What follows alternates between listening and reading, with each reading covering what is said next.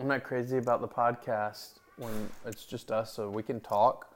But I'm going to podcast it because we have so many friends that are out. The slackers that didn't come to church this morning. You know, we listened to the podcast when we were coming back last week, Yeah. and like you can tell when you're like at like this, and then when you like. With I know, I know, I know, I know. It's like way too loud right now. Um, so uh, you like my, my Markley shirt? yeah. Isn't that cool?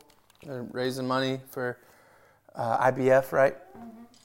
So cool. Um, all right, hey, Acts 28. So uh, this week we're gonna finish Acts. Okay, so if you're going through the reading, um, one of my favorite favorite concepts of Acts and the start of the church is how the very last word of Acts. Anybody know what it is? You can look at it real quick. The very last word in Acts 28. All right, so now I've got to wait since it's just a few of us. Somebody's got to look it up. All right. Hindrance. Well, yeah, it's without hindrance. The actual word is unhindered. You good? Okay. So I love the fact that the the book that reveals so much to us about the church and this vast spreading of the gospel, this vast um, people coming to know the Lord, is such a great description of that book. is it ends with unhindered, right? And I think about that. Yeah, this is the book that shows us the most persecution. Like it, we would look at it from human standpoint and go, wait, they really are hindered, right? But the concept in that spiritual concept of being unhindered. So let me give you kind of backstory. Paul, remember we talked last week, leaves Ephesus. Okay, so he's he's uh, up in Ephesus. He's been there a long time, uh, establishing the church and everything. And then the the Lord tells him it's time to go to Jerusalem. And so, like, remember, he calls all the elders. We read this last week. Calls all the elders together and says, "I love you guys, but I'm out. I'm going to Jerusalem." And they're like, "Don't go. You're going to die when you get to Jerusalem. They're looking to kill you in Jerusalem." He's like, "Yep, the Spirit of God's told me. I, I know death and imprisonment await me every city I go." And he goes to Jerusalem. He gets to Jerusalem, and what happens? They capture him. like, like he, he, he called his shot, right? Um, he's about to be killed. I even ta- I even think it says that they lay him out to flog him, and he says, "I'm a Roman citizen. Hang on." And so imagine this: if we were being occupied by another another government right now, Americans we can't comprehend that, but if another government came in to occupy us, and you had dual citizenship, it would be incredibly hairy if you were of American descent, American citizenship, you would be tried by American laws. If you were of ex citizenship and you found they found you doing something you shouldn't have been, you'd be tried by those laws. So that's the reason why the Jewish people are about to flog him and he says, "Hang on, I'm a Roman citizen." And they're like, "Wait, what? We're going to get in trouble if we enact our laws on him."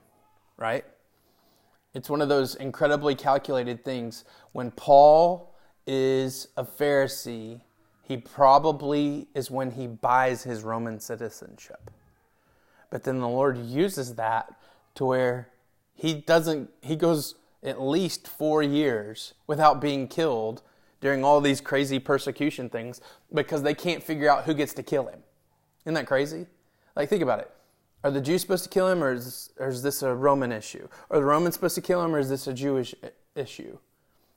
And so you can think about the weird legal battles. That's what we're reading today. That's what Acts 28 is.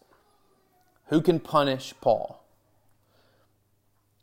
Ultimately, the Jews find no punishment, nothing worth punishing him for. They're like, we don't need to imprison him. We don't need to uh, flog him or kill him. They say this We're done with him, but the fact that he appeals to Caesar means we've got to send him to Rome. Think about it. Paul could have had his freedom if he hadn't appealed to Caesar. If he had not appealed to Caesar, they might have punished him by Jewish. So he takes a calculated risk and says, I appeal to Caesar. You know what's crazy is we don't know what happens to Paul after Acts 28. No one knows. There's some vague writings that we know that he was most likely killed, and it would have been in the time of um, a massive fire that took place. This weird sect of Christianity trying to, uh, in essence, terrorize Roman government. They set fire, and because of that, Caesar executes any Rome or any Christians that he has imprisoned or something, and Paul gets executed in that time frame. So we think at the hands of Caesar is when Paul gets executed. But here's a crazy thing all these things, and I'm going to read it to you in a minute. Paul is the Spirit of God saying, I want you to go to Rome. I want you to go to Rome. I want you to go to Rome. And then we don't have it in Scripture. It's kind of unique, isn't it? Think about it.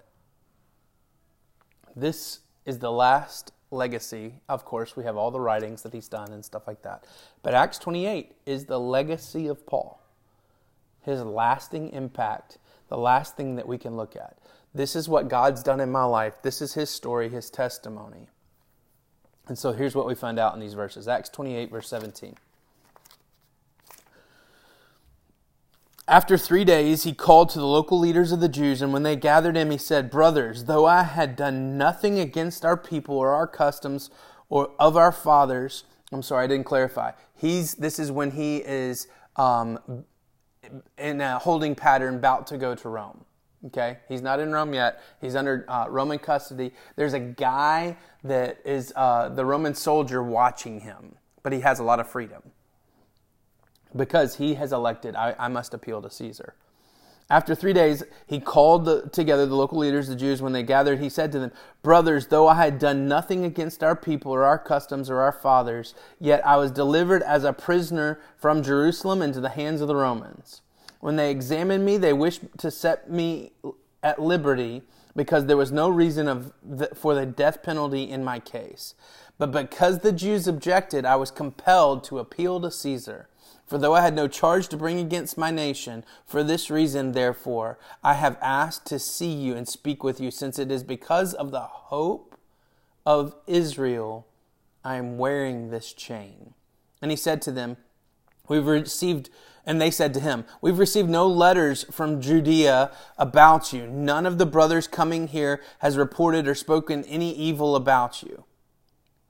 Think about this. He is standing in Roman custody in chains because he has appealed, I must go see Caesar. And how does he describe it? I'm doing this because of the hope our nation has. Our current struggle should be considered a platform of hope. Think about it. What's current struggle? Paul chose this. Paul appeals to Caesar. Um, Caesarea Philippi. I, I kind of talked to you guys about this before, but in Acts 23, verse 11, it says this. He's at uh, Caesarea Philippi, and they're about to kill him. He's worried that he's going to die at the hands of the Jews. And he says, The following night, the Lord stood beside him and said, Take courage. For I, you have tested to the facts about me in Jerusalem, and you must all te- uh, also testify in, into Rome. He's saying, You're not going to die here, you're going to go see Caesar. What's the purpose of your current struggle? God has a purpose for your current struggle. I love this, and I think, Tim, this is you. Paul was a planned man. But Tim, do you have plans? No. But I would consider you a planned man because God has plans set aside for you. You see what I'm saying? Paul doesn't have a strategy. The Lord has a strategy for Paul. God uses Paul because of Paul's full surrender.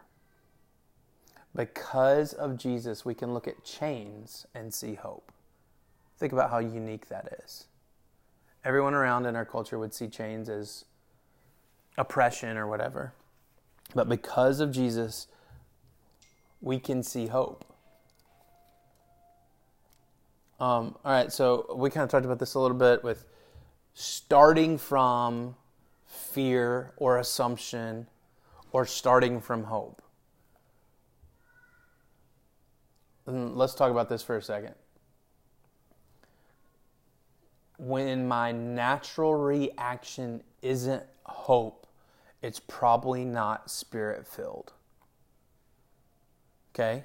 Now, there's, of course, wisdom. So, um, I use the, I've used this illustration before. Max was like two and a half, three years old. Um, Ella was like needed the the thing around her neck in the car seat. You know, like that little. She's little bitty. And we went to a Mississippi Braves game. It's like the Double A minor league for uh, the Atlanta Braves. And we go and get our tickets, and we're literally sitting on the third base line. And as we're sitting down, my sister and brother in law are there. As we're sitting down, I'm talking like sweat running down my spine, freaking out. I'm like, hey, this is foul ball territory. I don't feel comfortable with this.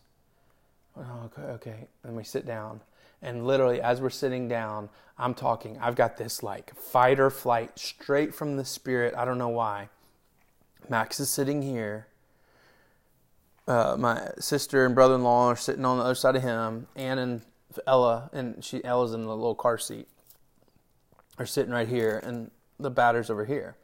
And so, um, literally, we're sitting down, and I'm saying, "Hey, I'd like Max to be over here on this side so that I can knock down a ball if it comes this way or anything." And I don't operate in fear like that, y'all. That's not me. And as soon as I'm saying that, my sister's like gathering stuff to send Max to me. The first pitch happens. A guy fouls off a ball. A guy three feet or three rows in front deflects it, and it comes and hits Max in the arm. We thought he broke his arm. I grab Max, he's screaming, and I make eye contact with the umpire and the batter, and the batter's got his hands on his head, like, oh my goodness. if the guy hadn't deflected it, it would have hit Max in the head. Um, he got that, you know, like, there's only that yellow only shows up in those bruises. You know that color. There's we can't recreate that color anywhere else except on a bruise. He got that bruise. He was completely fine, but I was not hopeful in that decision making. And I really don't know if it was fear that was speaking to me. It was something else. It was something else. But there is a design when we're making decisions, there is a design when we're having interactions with one another. There's a design when something is presented in front of us to start with hope. It's much more than glass half empty, half full concept. It's much more of I'm a really positive person. If I believe that Jesus can raise people from the dead, the ultimate fear of anything out there has no legs. And I need to train myself not to operate in wounds or preconditioned fears. I need to start with hope. Paul knows death is on the doorstep. Paul knows he's probably going to be in prison the rest of his life. And he speaks to the chains that he's wearing as because of hope in our nation, because of the things God's doing in our people and to the Jews and Gentiles, we have this hope that's different and unique. Have you and David been talking about hope this week with a specific word? Kavah? No, he just brought it up today. Okay. He sent me a message yesterday to, doing this discussion. I don't have any concept, and I'm sure we'll figure it out in the next week or so of what it means. There's this word in kavah. I mean, word, word in kavah. There's this word in Scripture. It's a Hebrew word. It's called kavah. and um, uh, those who wait upon the Lord, they waited. It's this ling- it's got two definitions to it. Lingering concept of waiting eagerly for the Lord. It can be hopeful, is another thing. Uh, another way to say it is lady in waiting. A lady in waiting is one who is hoping eagerly that she'll be the next in line, right? Right. Um, it's used that the word kava is used 49 times in the Old Testament. It's Hebrew. 47 times it means to wait, to hope, to linger. But there's these two unique times when the word's used, and it means to gather, collect, and bind, or tighten, clean and pull together kind of concept. In Genesis 1, verse 9, he gathered the heavens and the earth and all the water, kava. But there's this other unique time that it's used in Isaiah 40, and it says, Those who wait on the Lord will renew their strength. They'll mount up like wings like eagles, walk, not grow weary, walk and not be faint. Think about it.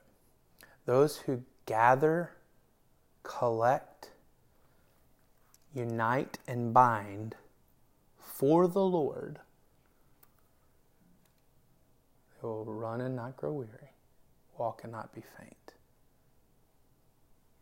There's a uniqueness that when we have things that draw us to one another, it's like glue. And that hope is that glue. Our world starts with fear, assumption, manipulation, and deceit. When someone says something and you've got this weird, like, are they saying one thing? Should I take that at face value? Are they being passive aggressive? Are they trying to say something specific? What is it? You know, what's going on? I've just learned, unless the Spirit says otherwise, I'm going to start with hope. Now, the Spirit can say, hey, no, this person is saying it that way. And then I go, well, I'm going to choose hope anyways, you know. You know, they might be talking in uh, concepts of deceit, manipulation, and fear, and maybe not even know it, right? Usually, bitter people don't realize that those things are coming out of them. But when I speak to hope, I want to hear what God says. I want to hear what God's saying about hope, right? Watch. We are a peculiar people because of the hope we have that we have within us. Verse 21. Acts 28 verse 21. And they said to him, We've received no letters from Judea about you. We don't know who you are, basically, is what they're saying. None of the brothers coming here have reported or spoken evil against you. The reason why he says it that way, no one's spoken evil against you, none of the brothers, the other Christians, is because that's all the Romans are doing, are talking about the evil things and the Jews about Paul. But they're saying, we haven't heard these things. But we desire to hear from you your views with, for, with, for with regard to this sect that we know everywhere it is spoken against. Oh, she's fine. When they had appointed a day for him, they came to him lodging in great numbers from morning till evening. He expounded to them, testifying to the kingdom of God, trying to convince about them about Jesus, the law of Moses from the prophets. And they were convinced by what he said, and others disbelieved. Calling to selflessness brings instant credibility. Richard, that's you, dude. You're a humble dude. And because of your humility, you draw um, like how many how many of our ladies have handed kids to you when they're crying, right? Right? You have an instant credibility because of your humility. We discredit those who walk in rooms with arrogance and, and pride. But those who walk in with humility, there's instant credibility. Those who are selfless, we go, okay, this person's legit. This person's real. Paul's being selfless. He's in chains and he says, Hey, I'd want to talk to you about hope. And they're going, What? Okay, this is different. We don't know you, but we want to get to know you. Can that be said about us? Do the people that brush shoulders with us say, I don't know you, but because of the hope that's within you, I want to get to know you? You're saying the opposite of everything else we've heard and said, and we want more. Think about it. Go on Facebook right now, post something about uh, the Democratic thing or Trump or something like that, and you're going to get people on opposite opinions, and it's just a whole bunch of idiots shouting at one another. No one's listening. But in this concept, Paul's saying things opposite from what they're used to, and they're going, We want to hear more of it. They're not trying to argue and debate. See, watch. It's because of this. Love wrapped in humility disarms the greatest adversaries.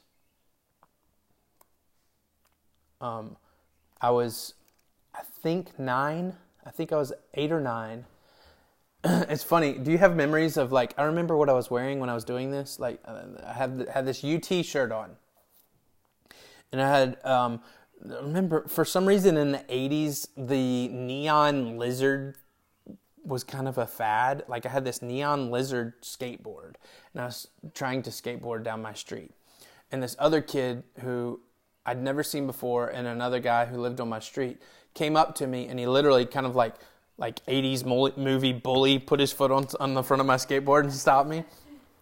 And he said, Hey, what's your name? And I said, Hey, my name's Ryan. And he said, uh, You want to smoke? Like, no, dude, that's not me.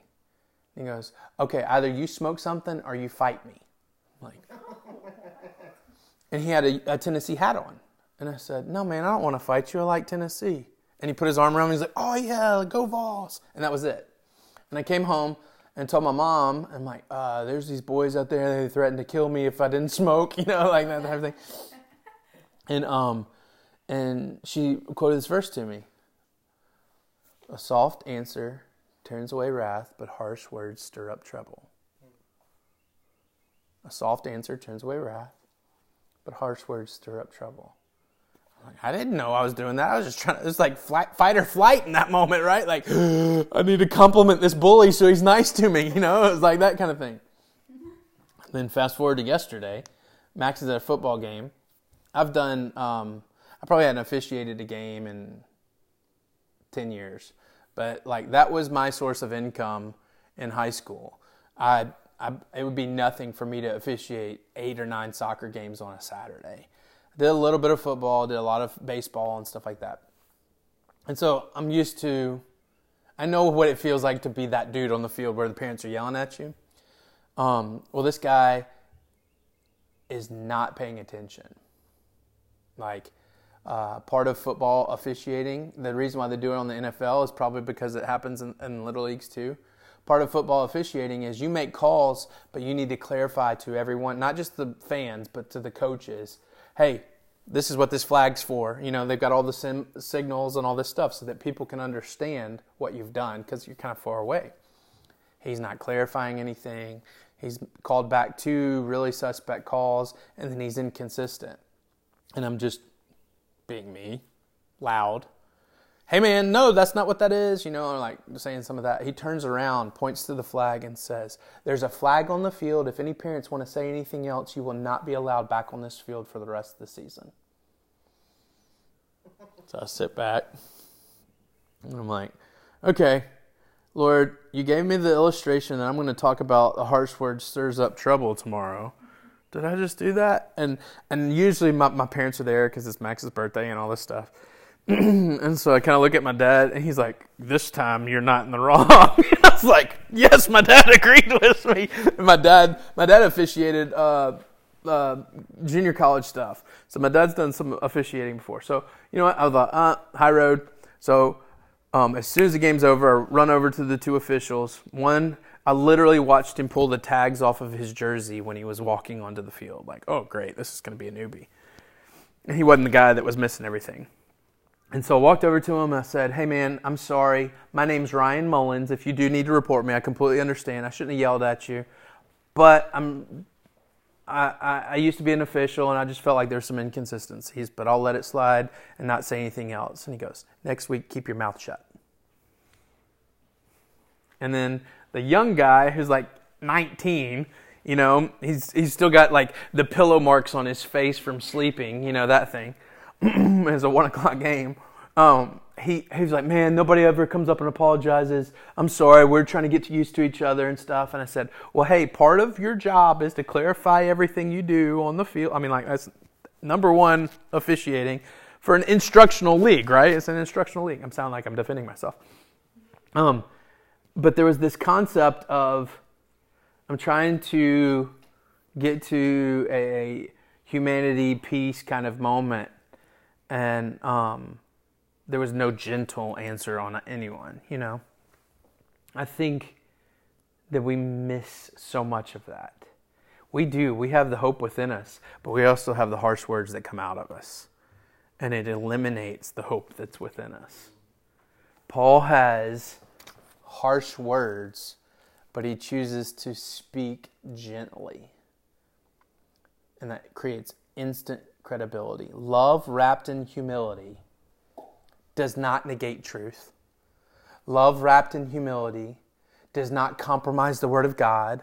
Love wrapped in humility does not say that abortion's wrong or right. You know, like, like whatever the hot topic button thing is that we should push. Love wrapped in humility is the method by which we communicate the truth. If we go and we communicate truth based on our own credibility, we discredit everything, ourselves and the truth. You see it? But here, even though after all that, the Bible says, verse 24, not all believed.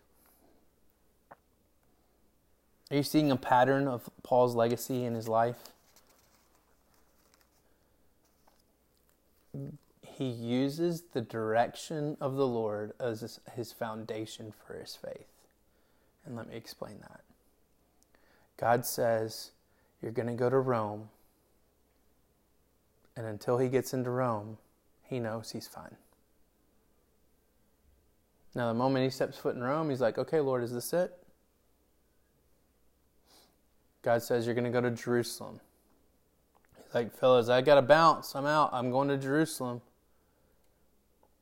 I'm going to be okay. He even gets shipwrecked. You know, they even have, they go through all sorts of hell trying to get to Jerusalem. And then all sorts of hell trying to get to Rome. All these crazy things happen. Paul's not wavered by any of it because the Lord said, and the thing that the Lord said is the foundation of his faith. So hear me say this What's the last thing God said to you? The last calling, the last command, the last encouragement, the last even purging, refining kind of statement. Those need to be the foundation of your faith. I'm in this group um, I got invited to. It's a private group. Tim, are you in that group? I saw you like something I said, the Letters to the Church. Um, it's like 8,000 people in this Letters to the Church discussion group. And um, someone, Facebook, whatever, they, um, in the, from going out to San Francisco said, hey, we need more pastors in this group that have been out to San Francisco. So I think a whole bunch of pastors. He's been adding a whole bunch of people lately. I get this message yesterday from a guy uh, that said, Thanks for the add. Started a new network of house churches um, 18 months ago or something like that, is what I said. I had all these people say, Hey, how'd you start that? You know, like I got people asking me questions. Well, this one guy asked me a question, um, and he's frustrated because he has a deaf community. And I've never thought about this before, but anytime at a church they have someone and they consider them a missionary or a ministry of the church. And he said that that doesn't never last. It's, it's like up and down. He goes, why, why? I should be able to do a house church. And I can do a house church with a whole bunch of deaf people. I was like, great, that's awesome. And he goes, how'd you do it? And I was like, uh, I don't know. Like, like, and I said, okay, hang on, let's stop talking about this. What what has the Lord said? And He hasn't given me. It, it's, well, we really didn't like these ministries here, and we really didn't do this, and I've got all these deaf people around me, and we're, I feel like I'm supposed to do this. And I said, That's great. What's the Lord said? If we go down roads without having the Lord speak into it, we don't have any faith because the Lord's not in it. And then we go, Why is all this craziness happening to me? It's because the Lord is not just the speaker of direction, but that very spoken thing is the faith that helps us walk through tough things that might be down that direction. I mean, I don't know how many times I've gone back to th- those moments where the Lord's purifying and helping and rending and speaking hard, the things that ultimately have started whatever we're doing here, you know, like, and that those things are not just for me to encourage myself because God said this. No, it's the foundation of it. It's the foundation of it. Anything God builds down the road that I choose. So, watch. I can go back to 14. It's like June 16th. Uh, I, I don't remember, like 1995, 96, something like that. I'm 14 years old in West Frankfort, Illinois. Clear as day, God says, Hey, full, He speaks into my life and calls me into ministry. I've gone back to that calling two or three times. But that's foundational. Then God speaks these things, and then God speaks these things, and God speaks these things, and they build upon that foundation. Very few times in my life have I crumbled down everything to the original foundation of God's calling on my life, right? Most of the time, it's what did God say two weeks ago? God said two weeks ago this. Well, I don't know if that applies anymore, and I ultimately crumble that away. Well, God say, and, and low moments are at those bare foundational things. So when God's not speaking, I can understand. It's tough. I've been there. It's hard to contemplate what is God doing when he's not speaking, but if we go back to the thing he said before, ultimately that's the foundation of our faith right now.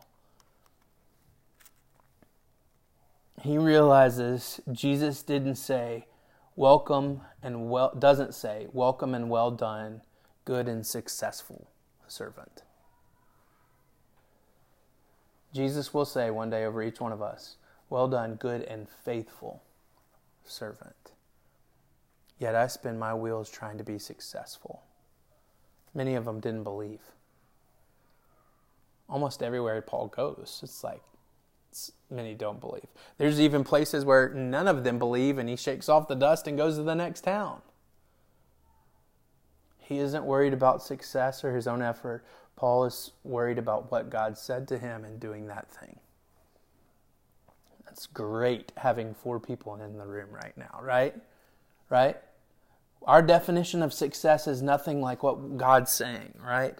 Our definition of success is nothing that we that has anything to do with what fills my spirit. Success filling my spirit is flesh. The Lord's faithfulness filling my spirit is spirit. Watch this, verse 25. And this is the lasting legacy of Paul. Acts 28, verse 25 through 31. And disagreeing among themselves, they departed after Paul had made one statement. The Holy Spirit was right in saying, Your fathers through Isaiah the prophet. This is Isaiah 6, I think. Go to this people and say, You will indeed hear but never understand. You will de- indeed see, but never perceive. For these pe- this people's heart has grown dull, and with their ears they can barely hear, with their eyes they have closed, lest they should see with their eyes, and hear with their ears, and understand with their hearts, and turn, I would heal them. Therefore, let it be known to you that this salvation of God has been sent to the Gentiles. They will listen. He will he lived there 2 years on his own expense. All welcomed him who came to him, proclaiming the kingdom of God, teaching about the Lord Jesus Christ with all boldness and without hindrance. If we faithfully submit to the Lord, we will be unhindered. It's so crazy. Submission brings liberty. Submission brings being unhindered. I used to read through this passage when we were in student ministry because you would have 200 high school kids in a room pouring out my soul of what God's been doing in my life. We've had incredible worship moments, and it's like talking to a wall, you know? And the Lord clearly stated multiple times, You have no concept of what I'm doing here. You have no concept of what's stirring, you know. But the thing we need to watch for is the heart's growing dull. When I start with fear, my heart grows dull. When I start with hope, I'm alive. Watch this. Who's in chains in this scenario? Paul is. Who is unhindered in this scenario? Paul is.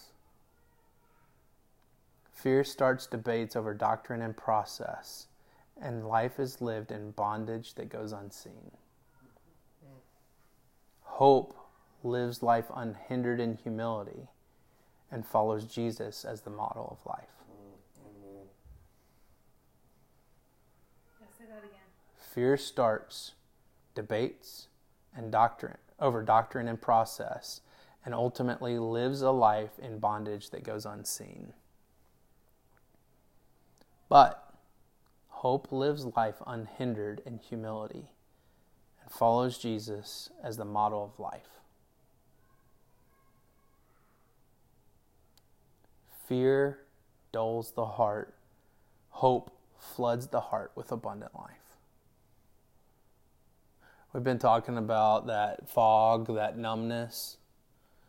I am clearly hearing the Lord say, "Hey, let's let's pour some hope on it." You know, you know, it's like, oh, that sounds so like pull yourself up by your bootstraps kind of thing. But I, but I do have a hope within me. I have a hope within me. The fullness of hope in Paul's life has brought me so much hope in my life. Think about it. like right at 2,000 years later of Paul talking about the hope he has within him, and it's going to walk out and give us hope today. Fear is infectious and tears down. But look what hope does. Acts 30 and thir- or 28, 30 and 31. He lived there the whole two years on his own expense, welcomed all who came to him. Remember, he's in chains, proclaiming the kingdom of God and teaching about the Lord Jesus Christ with all boldness and without hindrance. Which life do we want? Do we want a life choosing to debate doctrine and theology? Or do we want a life fully submitted to Jesus that has no hindrance? That's without hindrance. And if there's a way to explain this crazy book of Acts and all the crazy things that we see, it's submitting ourselves to the Lord brings us to a point of being unhindered. Let's pray.